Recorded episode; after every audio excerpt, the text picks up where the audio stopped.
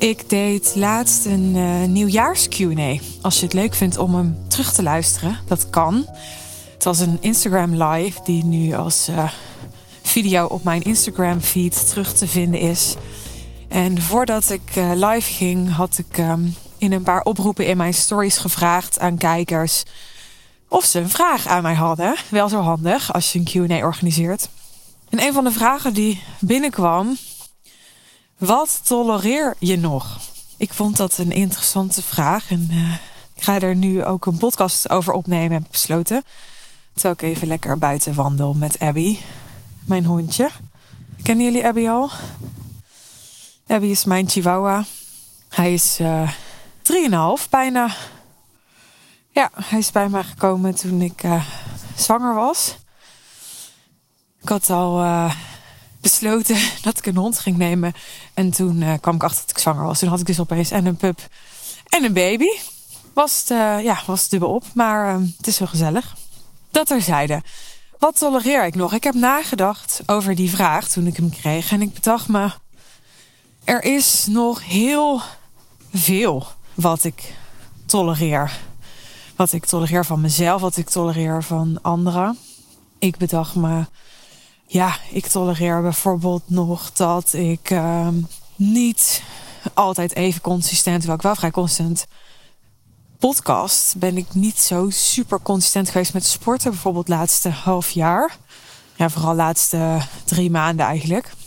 Er was best wel veel going on in mijn privéleven. En we hadden nog niet een heel strak schema. Die gaat wel strakker worden voor Verily Joy, waardoor we soms nog wel eens wisselden op woensdagochtend, waar ik dan nog niet helemaal op was ingesteld, omdat ik al heel lang op woensdagochtend personal training had. En dan zegde ik weer af, maar ik was ook een keer ziek, blaasontsteking had ik een keer. Ik zat een keer in de auto, dacht ik, nee, ik heb echt te veel pijn. Ik ga nu naar de huisarts rijden voor een kuurtje en toen was dus al onderweg, maar toen ben ik niet gegaan. Maar ik was ook een week naar Ibiza. En ik was er twee keer niet omdat mijn event was. En ik was een week naar Bergen omdat ik daar eigenlijk een training zou hebben.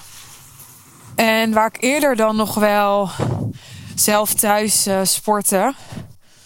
Dat heb ik in ieder geval in eerdere fases, eerdere coronafases wel eens gedaan. Is me dat uh, sinds ik verhuisd ben nog niet echt gelukt ik heb daar niet een fijne plek voor thuis. En uh, nou, ik ben ook niet zo'n diehard dat ik in de winter dan buiten ga sporten of zo in mijn eentje. Ik hou ook helemaal niet van hardlopen. Nou you get the point. Ik heb dus getolereerd van mezelf dat ik niet zoveel gesport heb als dat ik wel zou willen. Want ik heb al vaker de wens uitgesproken, het idee uitgesproken. Ooit ga ik echt zo'n fit girl worden. En dan ga ik vijf keer in de week, s ochtends mijn dag beginnen met een personal trainer. En dan ga ik helemaal mijn lichaam shapen zoals ik super vet vind. En helemaal fit worden. Super vet. Interessante paradox hier. Maar is dat wat ik bedoel? Ik ga niet zeggen, ik weet niet of het er ooit van gaat komen, want daar ben ik zelf bij. Maar ik weet niet of dat ooit prioriteit gaat hebben in mijn leven. dat moeten we nog bezien.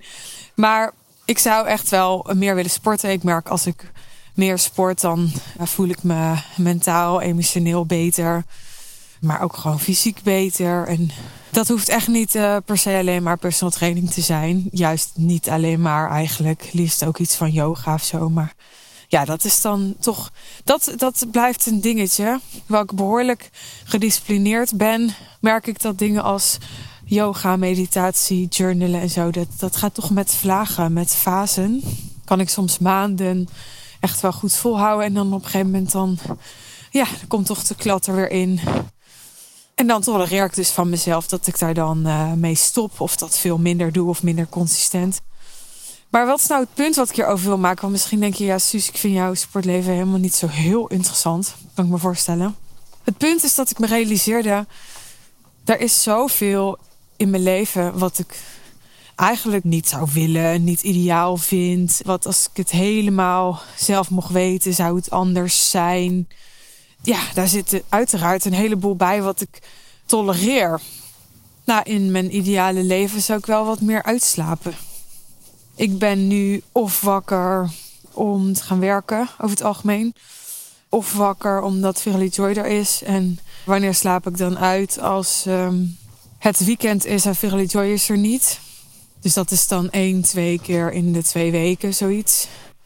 Nou, dat is misschien voor sommige mensen met kleine kinderen heel erg veel. Als je geen co-ouderschap hebt, kan je misschien helemaal nooit meer uitslapen. Maar ja, dat zijn voor mij allemaal, allemaal dingen die, die ik tolereer, omdat ik er prioriteit aan geef om uiteraard voor mijn dochter te zorgen met mijn dochter te zijn. Ook als het ochtends vroeg is, uh, maar ook om, om te gaan werken, om daarvoor nog de hond uit te laten. Maar ook om uh, mijn make-up te doen. Dus ook tijd waarin ik nog langer in mijn bed zou kunnen liggen. Hè?